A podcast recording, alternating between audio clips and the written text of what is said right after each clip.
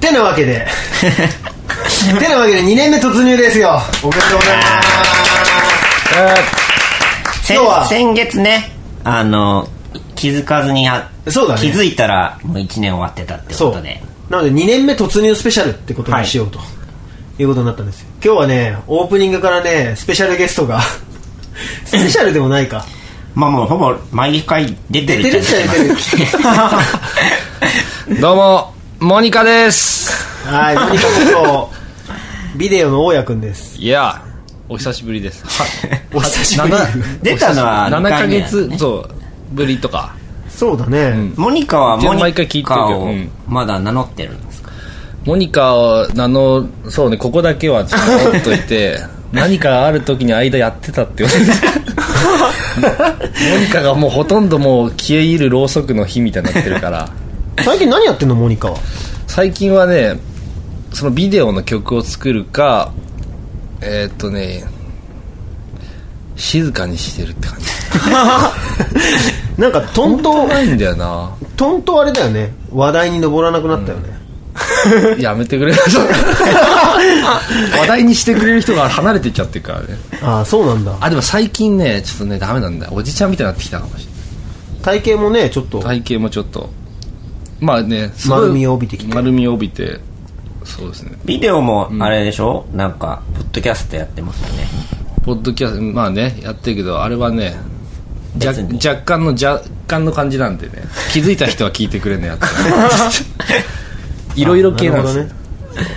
あの裏技でやってるんで内容がああそそうそんなにじゃあここで告知はしないでも告知はねしたいんだけ ど心優しい人だけに聞いてほしいからなるほどねそう最近神田君は何やってたの僕はね、まあ仕事の合間に台湾にまたまた か入ってきて。ひどいね先月だってタイの話だったよねそうだね。もう、海外行きまくりな感じで。儲かってますねいやいやいや、儲かってはないんですけど。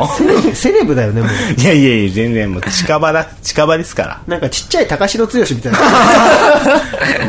アジアからねそうね。そうアジアから攻めていこうかなって。なるほど台湾は安いんですよね多分安い。安いってのはで今回僕マイルで行ったから、まあ、あ飛行機代はそうかかかってないんだよね。そっかで何してきたのもう今回はもう純粋にリフレッシュ。物は言いよってやつだけどリフレッシュってな仕事の合間に、うんまあ、ちょっと疲れを癒そうかなと思って、まあ、行ってきたんだけど、んまあでも向こうで現地でいろいろイベントがあってあのイラストレータータム君ってイラストレーターがいるんだけどタイの、ねその人が初めて台湾あの台湾で個展をするっていうので、まあ、それにお邪魔したりとかうんしたりしつつ、まああとは本当にのんびりしてたね今回なんかこう新しいスポットは発見してきない今回はね 下北沢世代っていうすごい名前のうん本屋さんがあって、へうえん、そこにちょっと遊びに行ってきたねへえ本ただの純粋に本屋さんなのえっ、ー、とね、まあ、台湾のと日本の主にジンだねリトルプレスを扱ってるあ本屋さんで、まあ、あと古本とかも置いてたりするんだけど、結構ね日本の本とかもいっぱい品揃えがよくってーあーそうそう結構カルチャー誌結構網羅しててうんでその辺もなんか新鮮だったりとかしてへえなんか今ねビームスが台湾に初出店するとかいうのそのイベントかなんかに参加したりなんかいろいろやってる向こうのカルチャー本当セレクト本屋さんみたいななるほどね、うん B&B の向こう版みたいそんな感じだねうんなるほどねそこに行ったりとかあとねメイドカフェ行ったねあそうま た いやこの前結局行あ行ってなかったけの行けかなかったからそうメイドカフェに今回がっつり行ってきたねあがっつり行ったんだがっつり行ったどうだったのいやーね可愛かったねあそいやーなんか日本語喋れる子がやっぱ多かったっていうのもあって意思の疎通ができたっていうのがあってうあそこがすごい良かったねそれはもう向こうでもメジャーなものなんメジャーなものだと思うよへえそれなりに結構客もいっぱいいたし観光客じゃなくてうんえ何すんのメイド喫茶で僕はねなんかその時はエ彼ヴァ女何してきたのメイド喫茶でーそれ本当にメイド喫 茶えメイド喫茶メイド 喫茶そうエヴァンゲリオンキャンペーンみたいなのやってて、でエヴァンゲリオンの僕はアスカっていう名前のジュースを頼んでいやなんかちょっとニヤニヤしながらすげえやだ ねとあと使徒の絵が描いたプリンみたいなのを頼んでそれを食べつつちょっとメイドさんとおしゃべりしてっていう感じだったねでもなんかねオプションで一緒にゲームしたり写真撮ったりとかそういうのもできるらしいんだけどその時は僕はもうおとなしくあそうなんだ、なんかチョコペンでなんか書くとかそういうプレーはなかったのプレイはなかったねなんかすす本場の本場のっていうか日本のやつはそんな行ったことないからわかんないんだけどおとなしかったのかなじゃあそそこまでそうなんだ過激なとものではなかったのかもしれないけどもうさすがの台湾クオリティでしたあそうなんだ、 はいなんかちょっとあれなの神田君好みのコースとかはなかったのなかったねなんかね特別オプションみたいなやつはなか ったのトイトイレがねなんかねその裏の トイレに行こうとしたのトイレに行こうとしたらそのちょうどそのメイドさんたちのたまり場のたまりの、うんを通ってなんか裏に行くなんか秘密の部屋みたいな感じだったけど、んまあ、それ以外は別にっていうえなちょっと待ってそれを見た店のだ部け屋がそれあっをたよってだけ そうあったよってだけ言ってないよあそう俺はそれそのメイドさんはそのなんかエヴァンゲリオンのキャラとかではないじゃなかったじゃないんだうん、えー、それ台湾の秋葉原みたいなとこがあるそえそういうあるあるそういう地区があるそういう地区があるあんだあそうなんだちなみに今回ナイトパトロールのう ナイトパトロールはねまあ行きましたよ今回そのね台湾スペシャルの時の出てくれた成田君というカメラマン、あ巻き込んだね今いや 今完全に巻きー込んだ分よ分散し ようと成田あい君つが悪いみたいなノリ出す成田君っていうカメラマンも来てたから2人で行ったのね、うんあいつが行こうと言い出しいたやそんまあそこはちょっとまあどうか なっていうまあ彼と二人でまあちょっとナイトパトロールもしてまあ安全を確かめうん安全は確かめてで困ってる人はいないから困ってる人いないかまたねえ助けようかなと思ってまあいろいろ見てで無事帰ってきました無事リフレッシュしてはいそんなもんかな今回は本当だから仕事とかはなしで本当純粋に遊んでたかなあそうなんだのんびりうんちなみに大家君は海外旅行まだ行ったことないんでしょ俺行ったことないんですよでもねいよいよちゃんと金貯め出しましたおどこに行くっていうのい一応まあこれね何でもないんだけど一個2個今あって1個が候補が1個がアルゼンチンのイグアスの滝を見に行こうっていうツアー、はいはいチリとの、まあ、滝が見たいっていうねそれそんなに貯金しなきゃいけないぐらいのだからねちゃんと行くとすると30万ぐらいしかあった方がいいっぽいのよああなるほどねそうノリで行くんだと思って安くていいんだけどもう一個はあの豪華客船10日間の旅ってい うだからジャマイカとかいろんなとこ行って中がさ、2万人入れるみたいなさ、で中の食べ物が乗った人はタダでスターバックスとか入ってなんかプールとかさなんか風が吹いてるとこでウィンドサーフィンするみたいなやつ とかそういうのをちょっと行ってみようかなって どどっちかなってえだってそれはいくらかかんのそれはね、それのがちょっと安かった。その乗るだけだから。あそうなんだただそれで、その、何日かごとにそこに泊まって、一日停泊でその町で過ごしてとかだから、そこも含めたら多分まあ3、40万あった方がいいんじゃないかあ豪そう華客船は安いらしいね意外とな。意外と。こんなそうテレビでやってて、まあ部屋とか選んだら高いけど、もう一番安いのでいいから、ってやったら、中でアイススケートを滑るぬいぐるみのショーとか、なんかそうまあ、あれピ そうベタだピースボート乗ればいいピースボートであ、 な、なんだっけ、ピースボートって。あれ世界一周する世界一周で100万以内であの、よく居酒屋のトイレに貼ってあるやつそうそうそあうっか。そうな のか。じゃ、なんかさ、くだらないんだけどさ、タイタニックみたいな世界観がいいな と思って。なんか事件起こんないかなってその中でとかさ。コナンとかみたいそう、ななんか、もう ダメ江戸だよ川乱歩本みたいなさ当。海外旅行に何を求めてるんだってで、ちょっと、ありもしないさ、このヒゲとか生やしてさ、ハットかぶって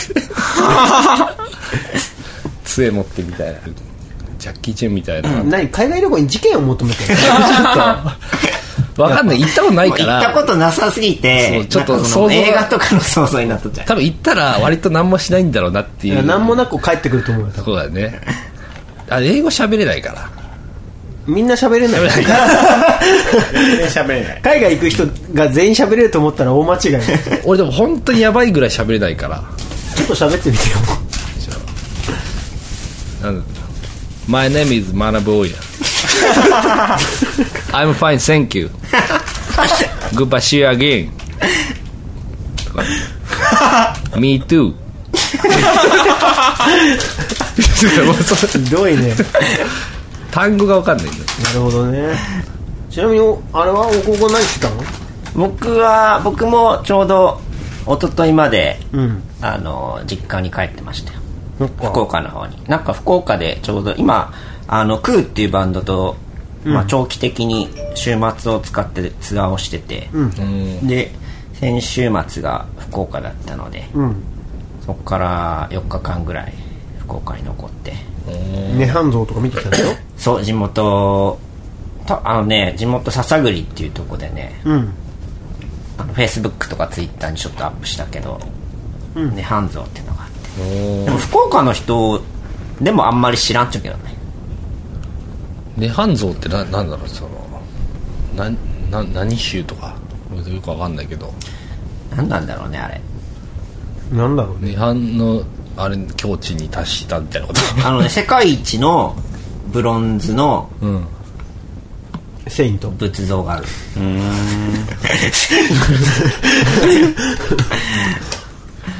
世界一サイズの世界一サイズのブあロのンでこうズのああ横になってるやつストリートファイターのあの出てくるやつだえああ後ろにいるやつねはいはいガイルガイルだっけよくそ見るう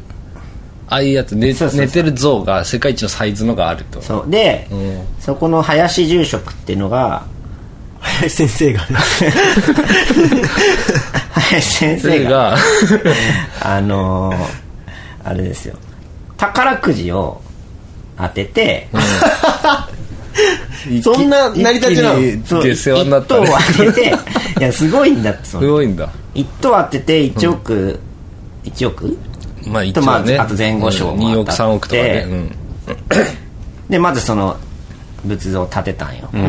でその前後賞で当たった余分なんかまあなそれでも何百万やろうけどさ、それでもう一回宝くじ買って、それでもう一回さらに当てた、ええすごっい ねていうなんかねまあほとんど寄付したらしいんやけど、だから宝くじの神様とも言われてて、なんかね宝くじファンは宝くじをそこに納めに来るそうなんだもう笑っちゃってんじゃんなんか俺そのそれ自分で言い出したってことだよね多分当たっ,、まあ、当たってんか嘘じゃないもんでねね今回久々2年ぶりぐらいに行ったらね、最終的にね宝くじ売ってたえーすごいね すごいねそこで買ったら当たんのかなじゃあっていうかあロれトだね6とかそういうのやってた、なんかもう本当にじゃあワンダーランド感が満載なんいだやでも本当にだから、先月も言ったけどお寺界のディズニーランドそうだねえその行った先のその見ているものとかも華やかな感じなのなんかただのお寺じゃないのいやなんかねエンターテインメントに飛んでるんよ飛んでんだでそのね涅槃像のね、中に体内に入れたりするああそうね目のところから外見るとかそういうでもロロボの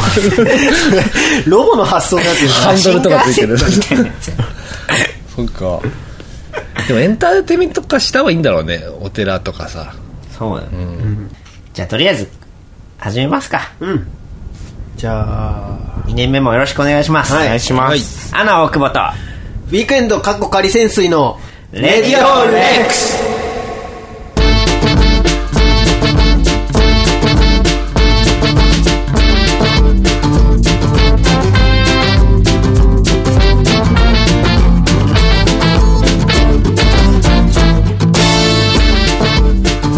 はいということで改めましてアナ大久保ですウィークエンドかっこ仮の潜水ですえーライター神田ですはいモニカですはいはそしいて今日は勢ぞろいですよ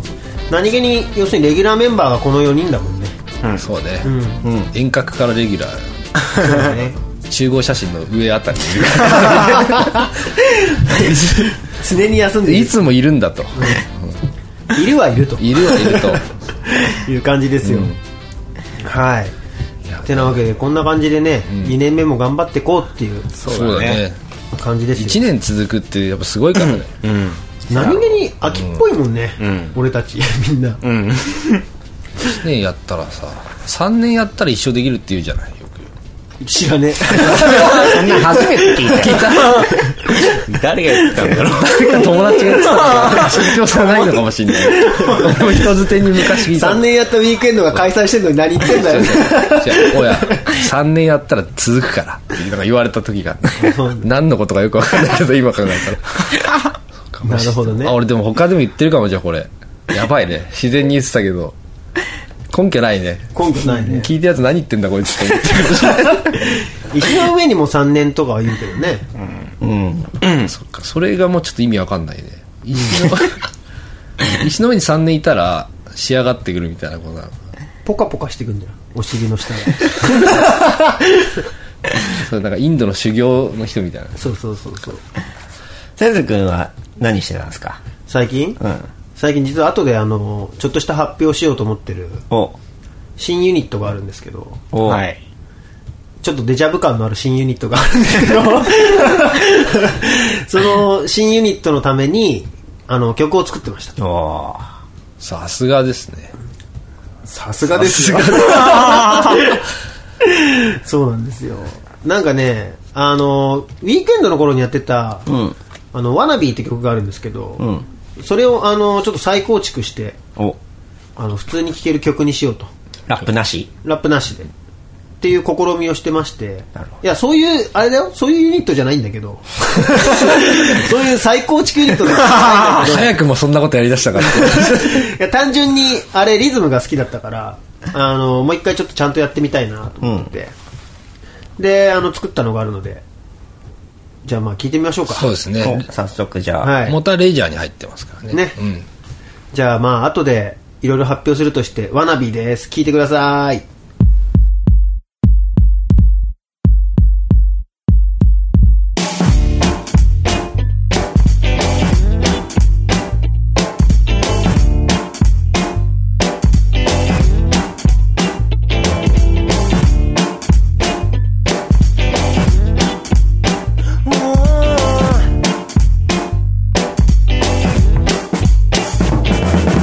あの子の歌を聴いてたんだ何の歌かは忘れてしまったけどあの夜の春歌泥棒思い出したらやっていけそうで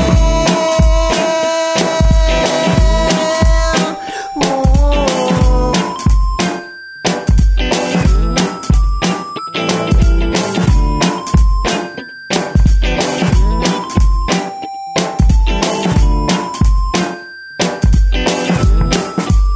手と手つないで歌に踊るんだダンスはあまり得意じゃないけれど素敵な夜だねベイベーいつもいつでも斜めのベイビー星空滑り出したナン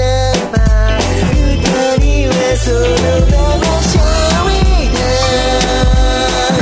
そのままでいてそんでシャウィーダ Shall we dance? 続きは明日そんで Shall we dance? My girl I wanna be with you baby 晴れたしなんか気分いいねなんだかんだで夜にはきっと祈っちゃうね I wanna be with you baby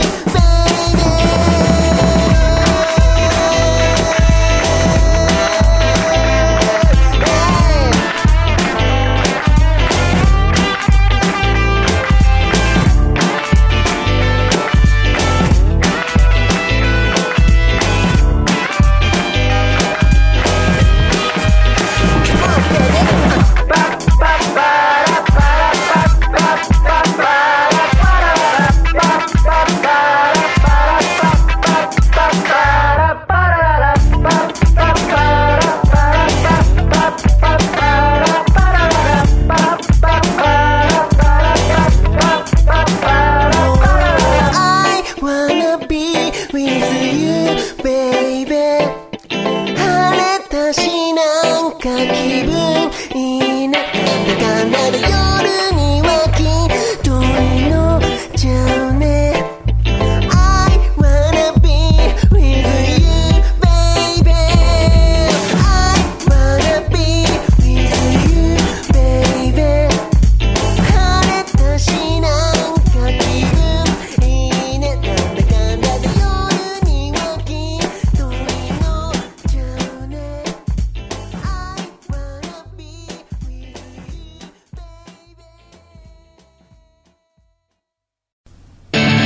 アナ奥本 DK の先生のレディオレックスカマカマカマカマカマピーヤペポレッチョンスポンパンティリポン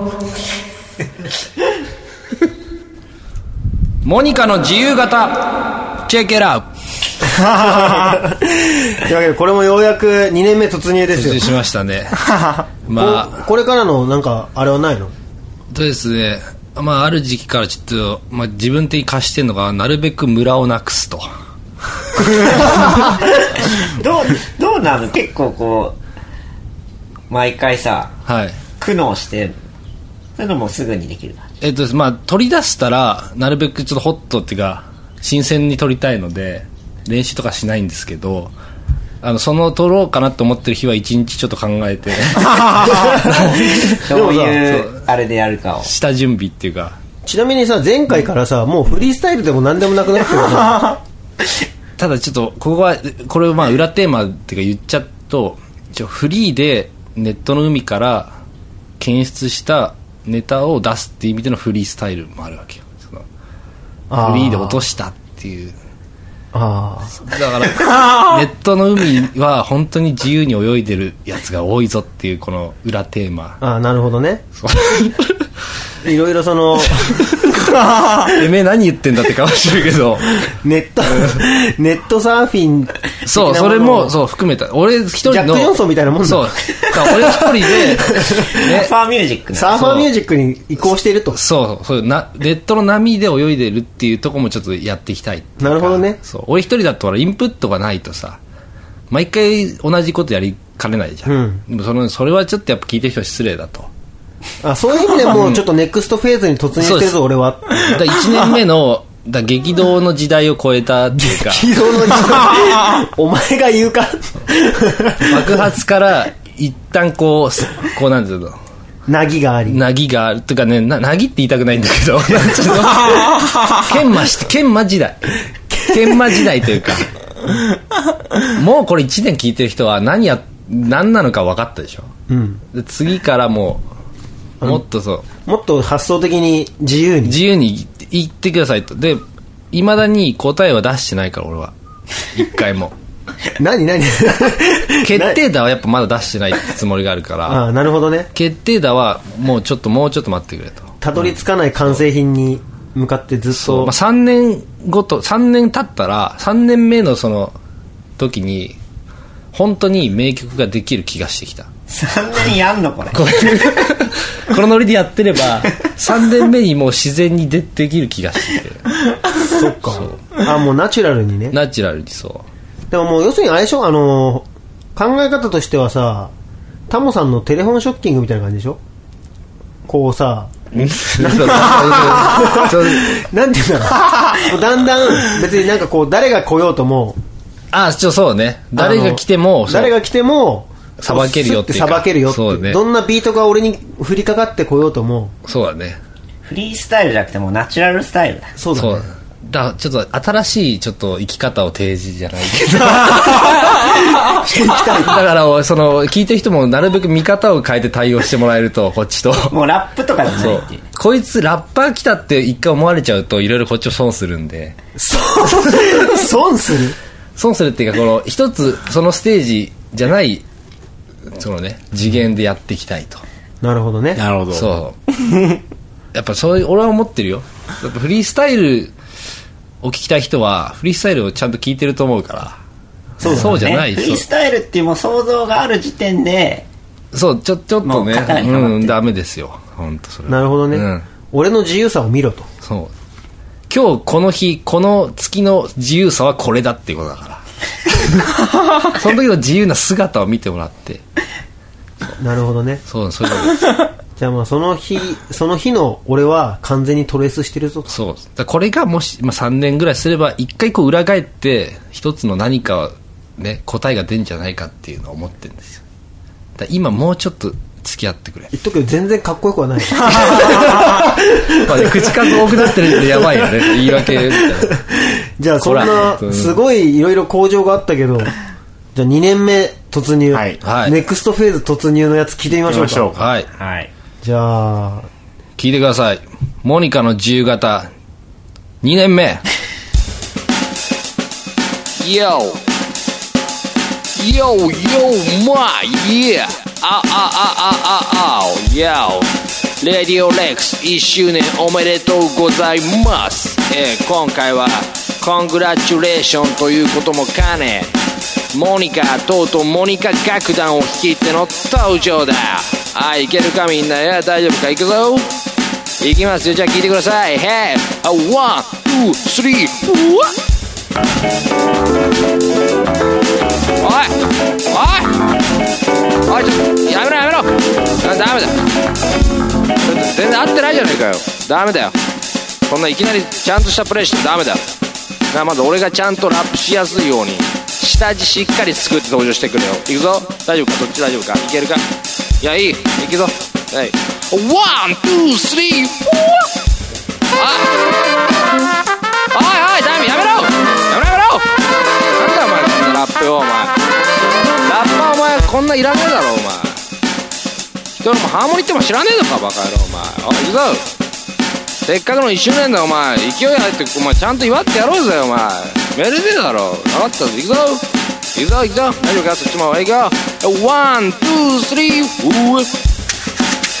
おいおいお前おかおかしいだろお前なんでマラカスだけのやつとかおかしいだろお前そういうさっきはお前一斉よく一気にわーってななんでお前急に一人こじんまりしやがってこの野郎こじんまりええ浜田まりいえ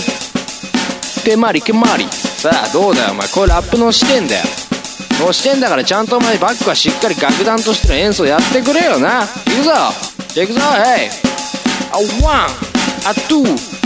ワンツースリーフォー People head into the club like it means something. In the Aye. bathroom doing drugs like it means something. On the corner with the 40 Aye, like and it means motherfucking something. like, yeah, Woman but nothing that all is the a sluts like it lie, means yeah. something. 俺がラップするって言ってんだよお前がななんでお前がラップしだすんだよ Yeah, 急にお前入ってきやがってこの野郎 together. やるんだったらいいですよやりますよ Yeah, やりましょうよフリースタイル勝負やりましょう same way. ダメだなじゃあ行くぞみんなあワンあツーあワンツースリーフォーほらや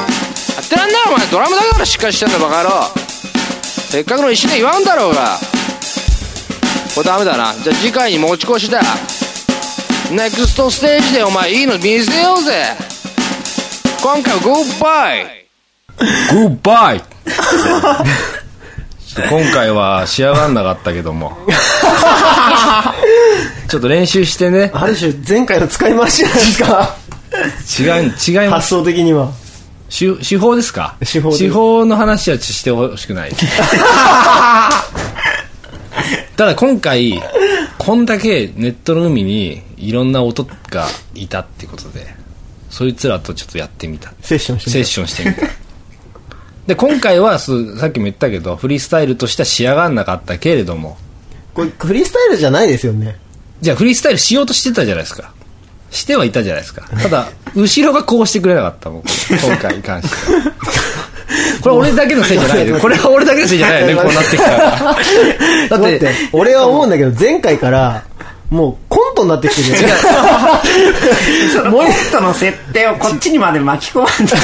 や でもコント、結果違う、コント部分を聞いてるからそうなっちゃうけど、ちゃんとその後、フリースタイルやろうっていう志あるわけだから。 なるほどねだからその前段階で止まっちゃっただからこれは不備はこっちありますよそれはもちろんありますけどそれはだって何も知ってないわけちゃんと本当ねた本当のコントやってないからコントっぽいけどその瞬間を見てしである種俺いいと思うあの得点像みたいな感じでこれが極まったらもうすごいですよラップなりすごいラップだから今回ちょっとね2周年に向けてまあ景気いいでしょう未来が見えるこのスタイルがものになったら聞いてる人たちはびっくりするぞ Yeah これがラップラップコップ DJ ポリスの前でラップコップ Yeah 何してんの 何してんのよ、さっきからずっと。 一人で。いやもうどう、どう泣いてんだよ。いやいいじゃないですか だからいいんだよこれからこれ聞いた人はさいいるでしょラップこれからここ出したい人、一緒に作ってき一緒になって言われようよ今小学生とか中学生聞いてたらあこういうことを積み重ねてラッパーになるかもしれないっていうなるほどみんね。なほら出来上がりばっか見ちゃうから慣れないなってなるけどこの段階で一緒にやっていきましょうよってこと音楽って自由だなって。そう自由ですよ音ですから音を楽しむってこと音そうそうそうですまあ日本語だけどそれはまあ音音楽しむってことですね次回期待しててくれよなイエーとイりあえず一回謝って、謝ってほしいよね。とりあえず軽く謝ってほしいよね。すいま せん申し訳ないてなわけで、2周年突入のモニカの自由形でした。今後ともよろしくお願いします今流行りのスモササイズ頑張ってます赤津ですレディオレックスイベント企画会議室じゃあいやー。はいてなわけで、あの、僕らもそろそろリアルのイベントをね。やろうかと。もうずっと結構始まった頃から言ってたんだけど、そうだね。まあこのやる気のないやる気のない3人組の逆にそういう激しい動きをすると1年持たなかったんじゃないかっていう感じででもまあそろそろやろうかっていう話がね、んじわじわ出てるのでじゃあ実際何をやろうかというのを、まあこれもまた俺らが考えるのはだるいから、あのみんなに考えてもらおうと、まあお客さんありきですからねそうそうそうやってほしいことをやろうってということになりましてあの始めてみましたよはい。でまあちょこちょこ来てるのでみんなで、はいあのこれを検証していこうと、はい。ちなみに はいイベントってさ、ラジオのイベントとかって行ったことある俺はあるね。何のラジオのイベント行った俺はでも、関西ローカル時代、関西ローカルの、うん。と普通のトークラジオうのん。イベントで普通にトークしてるだけだったけど。あ、そうなんだ。うん俺が行ったのはね、あれだね、伊集院光の、はいはい。えーっと、まだ当時日本放送でやってた、あの、大でかない大デカナイトの頃のはイいはいベはいントに行ったことがあって、その頃なんか、やたらさ、有明コロシアムでやってたんだよね。あやってたかもね、うんやってたわ、うんですげえ大規模なやつに行って、ですごい人がいっぱい集まってんだけど、なんかよくわかんないまま帰ってきたからあんまり記憶に残ってない東京だね、そうそうそ俺も福岡で昔やってた 3- 3P っていうラジオがあって、おーうえ何それそれの年誰が出てたんですか年末に「オールナイト 3P」っていうのおをなんか、あの公開収録があってさうんーおーそれに一度だけ行ったよ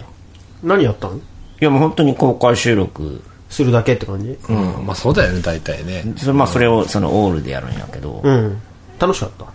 俺もだからあんま記憶が ないんやけどなんかそれもなんか遊園地かなんかでやってて、うんそのまあ年越しイベントのあーな一るほど個ねに組み込まれてるみたいな、うんうんうんそれよりそのなるほどねなんか 3P っていう意味を知らんかったけんさ、うんなんか親とかにも普通に「オールナイト 3P」行ってくるっていうなるほどね詳しく聞かれたな何なのそれって うちの子は大丈夫かしらって 3P 大家君は俺もね伊集院の大デカ時代に有楽町だってやってたの昔、でその時にじゃんけん大会があるから、夕方来るとあの日比谷公園のところかなんかにちょっと集められて、いじゃんけんで勝った人は嘘なんとか辞典みたいなその時コーナーでやってた茶色い薄い冊子がもらえるっつって俺じゃんけんで勝ってそれもらって帰ってきたあ、そうなんだ。ただのじゃんけん大会っつって、そのしかもなんか本編では流れなかったの。あ、そうなんだ。いつものお客さん感謝してますってことで。それ誰伊集院とじゃんけんする伊集院じゃな くて、スタッフ伊集院いないの。あ、もう本当意味わかんない、そう、ね。男だけがファン集まって、で、それもらって帰ってきて嬉しかったけど。であと、この前、あの、ジャンク10周年っていうのは行ってきた。なんかあの、あー行ってきた TBS んだラジオ、そう、なんか、そう当たって、へ行って、それに応募してる大家君っていうの がそう、それで行って、まあ、それはもう、すごい聞ける内容と全く一緒だけど、ああいう、おぎやはぎとか、うんバナナマンと山ちゃんとかさ、みんな出て、それで、爆笑問題で聞いて、わーとか言って帰ってくるっていう。なるほどそれね。面白いですね、やっぱ、ああいうのはね。なんか、今の聞いてるとでもさ、面白いけど記憶には残らないんだなっていうそうだね。感じがあるね。じゃあそこはまあでも記憶に残るものを残してこうよっていうことで、あの、みんなからちょこちょこ届いてますので、はい読んでいきましょうか。はい。じゃあ、まずは、どれからしこうかな。じゃあこれいきます。えはいえっ、と、先生さん、大久保さん、神田さん、こんにちは。こんにちは。こんにちはえっ、と、私はフリースタイルバトルをやってほしいです。興味はあるんですが、ヒップホップのイベントは怖いので、モニカさんの主催するバトルなら楽しめるんじゃないかと思っています。どうでしょうかペンネームピュア組さんからです。いやー、いいんじゃないですかね。どうですかねフリースタイルバトフルリー大スタ会。イルバトルはまあ、いずれやることになるだろうとは思って たんで覚悟はできてた。覚悟はまあ、やっぱりこう、顔出せよと。うん。早く顔出せっていういうことはね、言われてる気はしたんで、やっぱね、この。え、でもこれやる場合はさ、誰が出るの他の。バトルってその自分で二役やるやつじゃないのあ、それ、そう いうことですかい やあの、トーナメント制にしようよ、そこ壮は。大なコントじゃないですか。 やるならまあ、それなりのね、メンツを集めたいですよね、同じ。それなりのメンツ違うよ俺が言うそれなりは、本気の方じゃないよ。 あなるほどねそう。クレバっぽいやつとか。そうですね。だからまあ、なんだろうね、まあ、その、場を明るくしたやつの勝ちみたいな。 わからないです。俺も判定基準が。どういうメンバーがいたら、なんか独特のフリースタイルバトル大会なんだろうね。やっぱ、大地くんとかにも参戦してもらって、あの、ギターソロで来るっていう。あ、そういうのあるかもしれないね。うん。なんかこう、大家くんがうわーって言ったら、ギターソロで返してくる。そ れだいぶ滑稽ないだけど 何やってんだってあの集団何やってるの 俺がやった後にすごい真剣な顔してすごいソロ弾くね やばいねそれシュールすぎないそれそうだね。でもまあ大内くんなら答えてくれそうな気するねそうだね。その人の一番得意とする分野で戦っていくっていううん。ことなんですかね。大久保くんはなんだろうね。大久保くん歌うって。俺二 切ないもう謎の瞬間どっかの部族みたいな。切ない感じで歌うっておかしいでし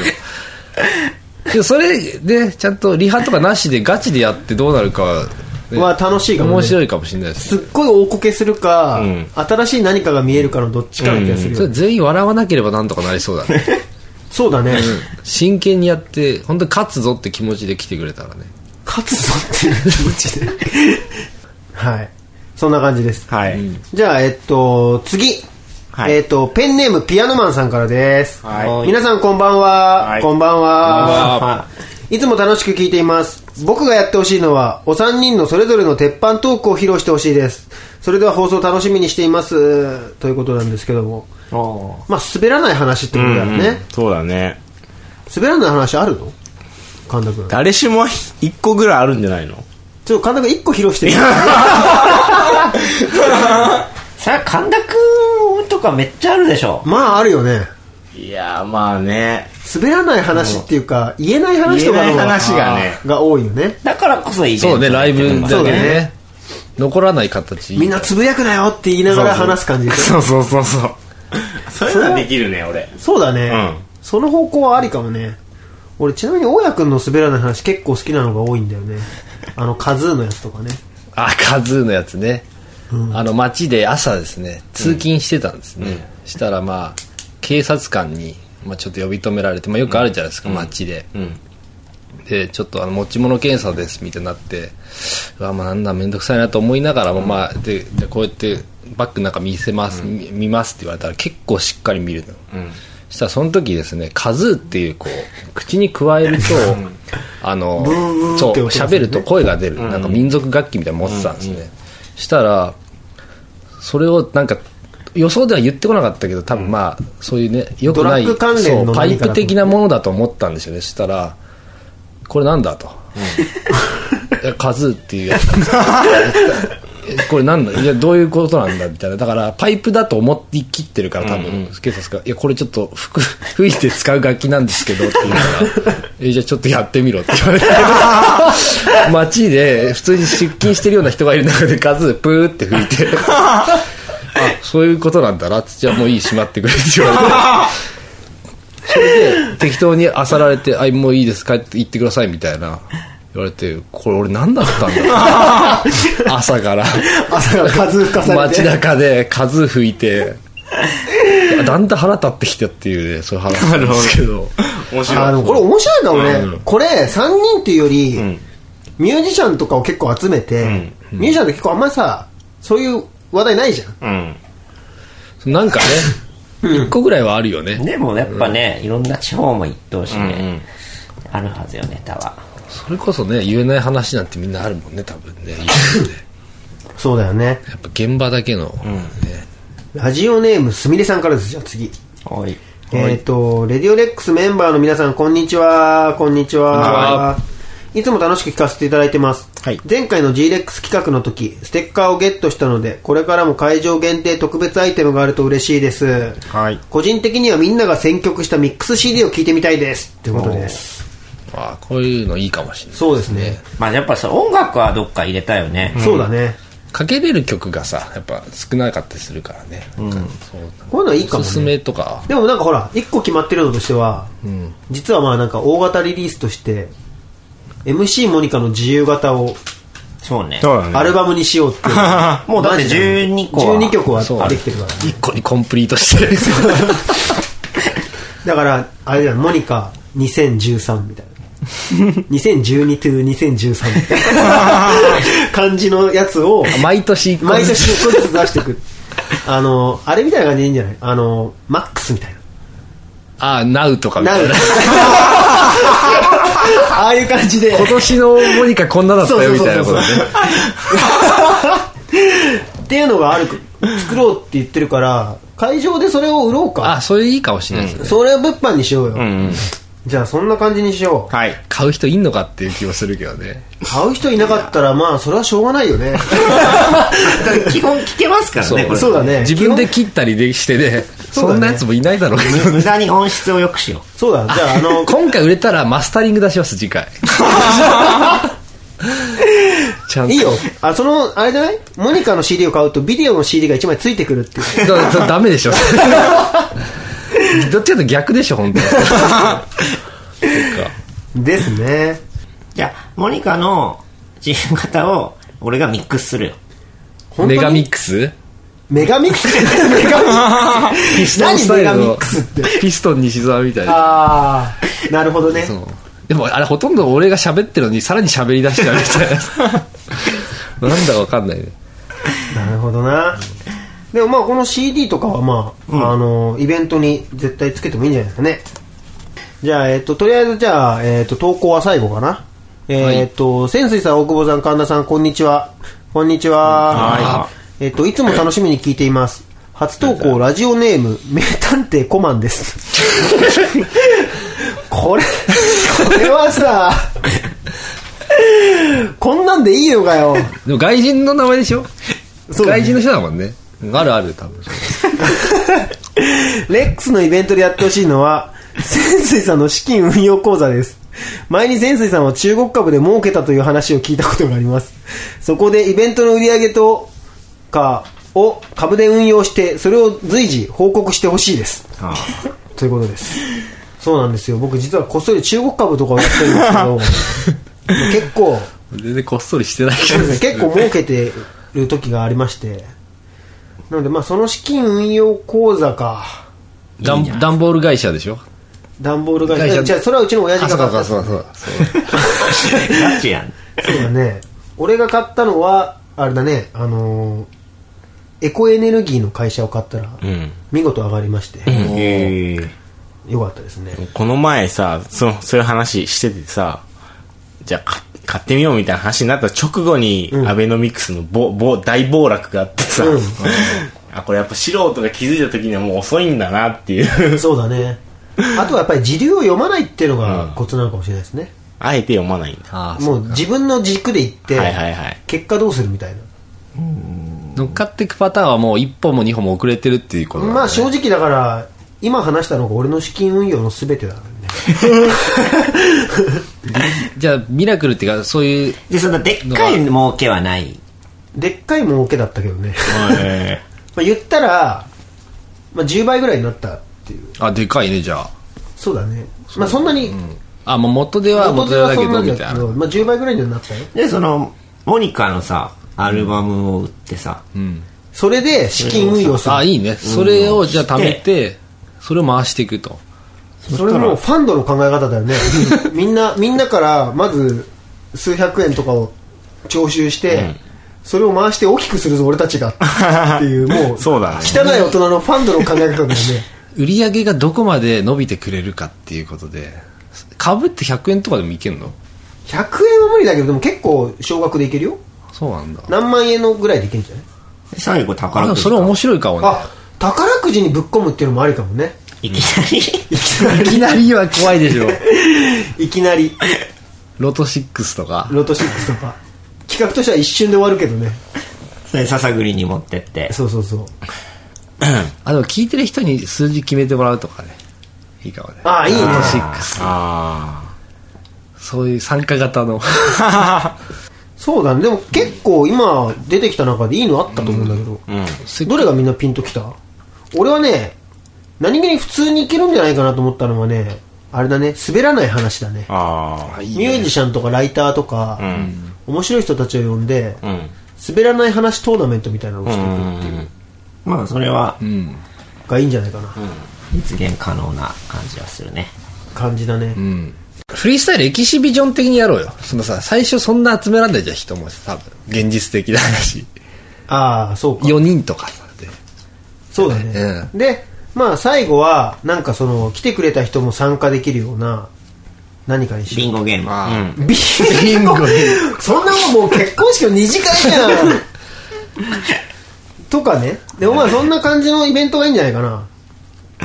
どうかなこれ人集まるのかいなやでもいいんじゃない23時間とかだったら ねサクッとねこれでも怖いよすごい俺これだってさ結果4人とかしか来なかったら さそこで歌を披露する神田君の説明だそうだねったらないもんねいやこれでもいやいいんじゃない人数じゃないんじゃないグルーブうんグルーブとやっぱこのほらバイブスね一回やん目やんないとほら転がっていかないからまずはそうだねまずやってみてそこからあ何のがイ起きベるンかってトすごかったぞって話が4人から広がってった らその4人の心さえつかめばさそうだうんねまずはそうですよね1回目なんてそんなもんだよそうだよね何でも立ち上げはしょうがないよね、まずはやってて、ね、ちなみにまあさらっと言うと、そのイベントで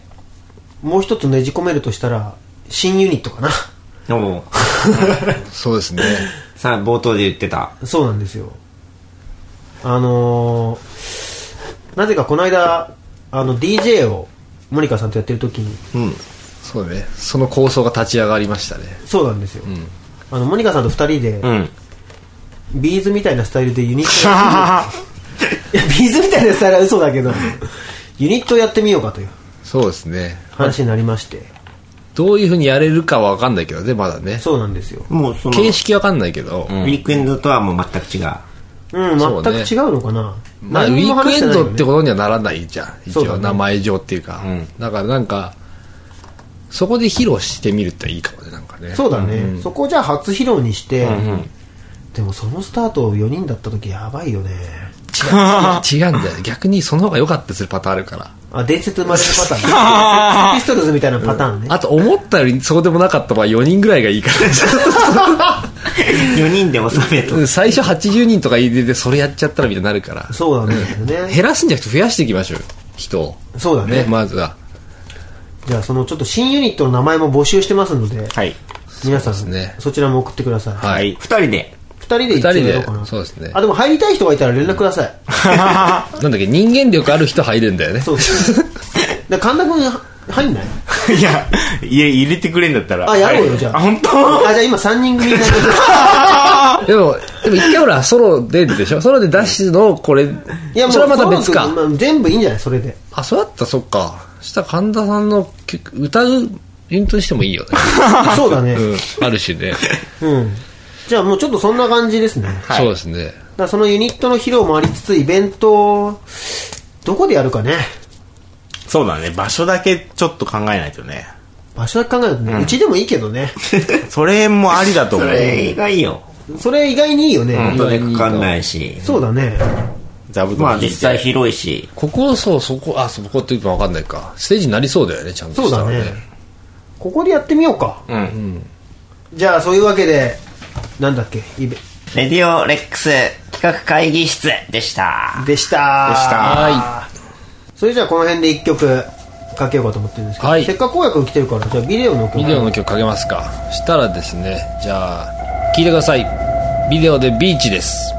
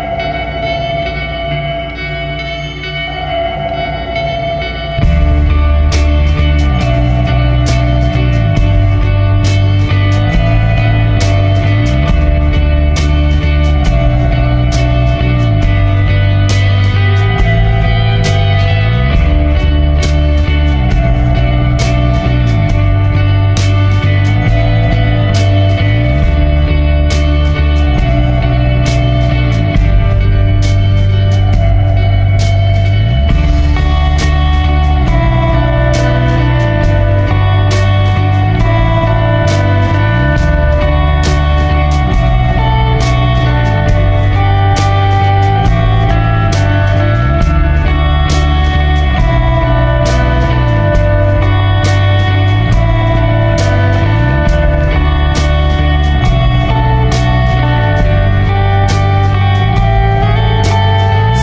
らりと飛び散る真逆の太陽ただた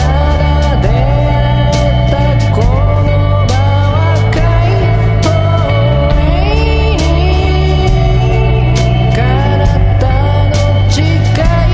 方へ合わすと見せかけただけのへいそ交わすとして分からされた手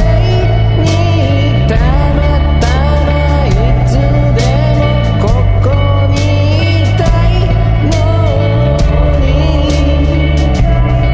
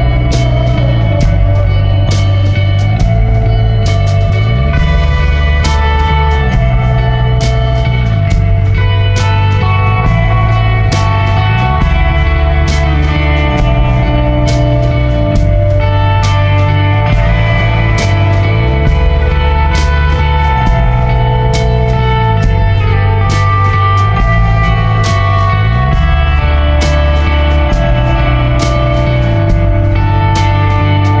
刑事この手に捧げるからめにというわけでお送りしてきました、レディオレックスはいはい2年目突入スペシャルと言いつつ、はい。全員これ多分ね、若干の寝起きなんだ よね。なんか今日珍しく昼間から撮ってて、うん。そうそうですね神田君は締め切りに追われててうん。気が気じゃねえっ気がて気感じじ。ゃないあんま寝てない眠いもうだって、顔の色が土の色してるも んもう、廃人のよういで、や、やりきりますよ。やりきり。はい。でまあなんかそんな感じで本年度もあれですねのんびり続けていくぞと、うんうんまあイベントもあるしなんかそういうモニカさんのリリースもあるしうんそうねあるからね、いいんじゃないかなうんと思ってますよそうですねなんか告知がある方じゃあ僕から、えー僕はあの「ケトル」という雑誌が、えー出ましたのであもう出たんだ出ました、えー今回離島特集で島にの魅力を、えー特集しますで僕が行ったのは上島ってところとあと手島っていうところに行って原稿を書いてるんで、もしよかったら読んでくださいなるほどねなんかいろいろやってるね彼女本そうなんだよ毎月あるからね当にね本当にねえなんだかんだで告知毎月あるもんねじゃあえー、とモニカですけど僕がやってるビデオっていうバンドのライブがあります、えー7月の20日に下北沢エラであるのと8月の24日に下北沢3であるんでこれは来月再来月聞いてもいいようなノリなんですが一応言っときます、ぜひよかったら来てくださいでも多分まあ僕らも集まってると思うはいのでぜひはいお待ちください報告はえーアナはですね7月の、えー15日に仙台にライブに行くのでもし仙台で聴いてる人いたら来てくださいあとは7月の、えービデオとかぶるけど20日に、あ一緒うん、セブンス渋谷のセブンスロアで、えーアコースティックセットでライブやるおまたアコースティックセットやるんだスティックですねじゃあそっちかな まあ、は都しご内してくれよははし これしかないんでよかったら来てください、はいあとはい8月に、えー、141516と四国をツアーで回るので四国の人がいたらチェックしておいてください四国のツアーって珍しいねうんおあん盆まり行かないよねしかも3日間も行くの徳島高松松山かなちょうどあの阿波踊りのはいああそっかいいね夏の四国良さそうだねそれこそその離島ってし四国四国瀬戸内海じゃあちょっとチェックしようかな。まああとは絶賛レコーディング中で、来月、再来月ぐらいには何かしら報告できると思いますので。あいよいよですねお楽しみに。はーいで私はえっ、とさっきちょっと話したみたいにここにおられる MC モニカさんと何かやろうということだけは決まってる新んユでニすけッどトですねはいなのでみんなちょっと新ユニットの名前。名前名前と、んあとはえっ、とメンバメンバーを募集してますやりたいっていう人ねーうんとりあえず神田君は今メンバーにな ったのでなのであの無限に拡散していこうと思ってますとりあえずその本当に気軽に、まあ、連絡くれるぐらいでいいよねまずはねそうそう別にだってモニカさんが何かできるってわけでもなくメンバーなのおいでそもそも今がまで何 やってたのまあでもそういうぐらいのノリですよねそれぐらいのノリですよねとりあえずやる気ある人というかなんかやってみようって人がね、そうだね声かけてくれたら人としていい人だったらいいなって感じだよね、そうですね条件はなしですね条件はなし条件なしあのなんだろうねどんなメンバーが欲しいか ねただ子供は 嫌だね18歳あ15歳以上がいいな俺15歳以上がいい以上うんそんだけ15歳は OK。 15歳 OK にしま しょう15歳中3からはい親とか親とかになんか不審がられるのだけやなんではい、はいまあ多分音楽的なことをやる予定だけどメンバーの組み合わせによっては音楽じゃないことになる みんなで雑誌を作ろうとかそういう一話番おも一番いい案出したやつについてくるそうだねっていう感じですねなのであなたの参加を待ってますはいって感じかなはい。まあそんなわけで元気に2年目も行きましょうよはいじゃあそんなわけではい。お疲れ。 X